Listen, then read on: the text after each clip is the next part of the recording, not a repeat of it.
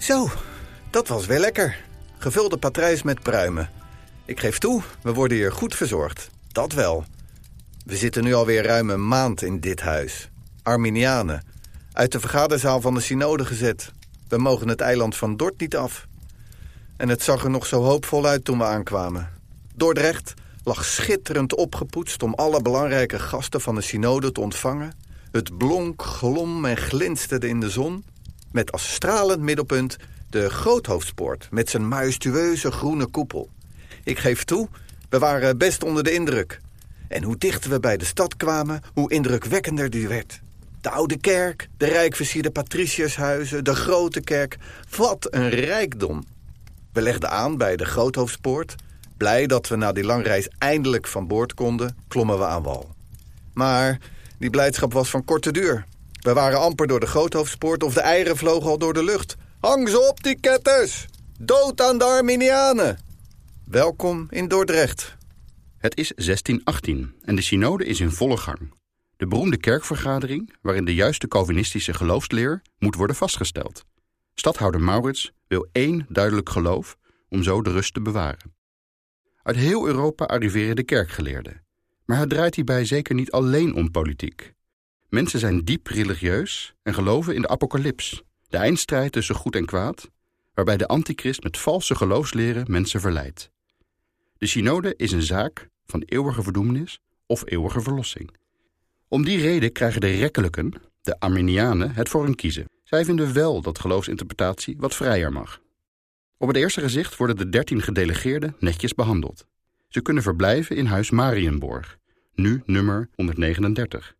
Een mooie, chique plek, met uitzicht op de Nieuwbrug. Maar de toegang tot de synode wordt ze al snel ontzegd.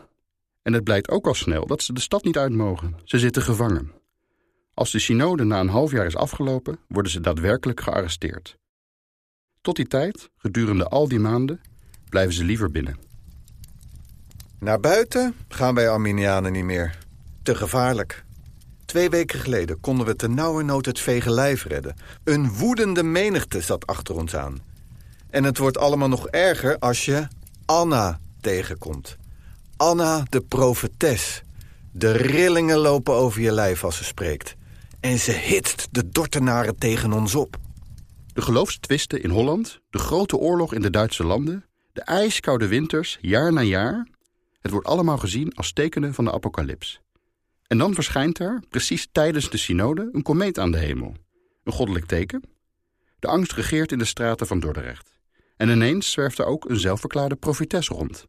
Anna. Meneer, meneer, stop.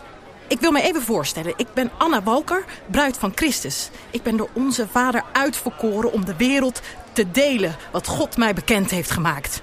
U bent Arminiaan en dus moet ik u spreken. Want doordat de stadspoorten voor u geopend zijn, is de poort naar de hel geopend. U wilt doorlopen? U zegt geen tijd te hebben? U bent net zoals al die andere verdorven rekkelijken. Maar wees gerust, uw tijd komt. Wanneer u voor eeuwig in het hellevuur zal branden. Kijk dan rond. U hoeft alleen maar uw ogen open te doen en u zal zien dat de antichrist hier rondwaart. De duivel in zijn eigen persoon die ons allen zal laten branden. Naar mij dunkt vooral u. Want uw interpretatie van de heilige geschriften weerhoudt ons allen van zijn eeuwige verlossing. Kijk maar omhoog. Eén deze dagen zal het universum ons het signaal geven dat de apocalyps op handen is. Vannacht, morgennacht, daarna, u zult het zien!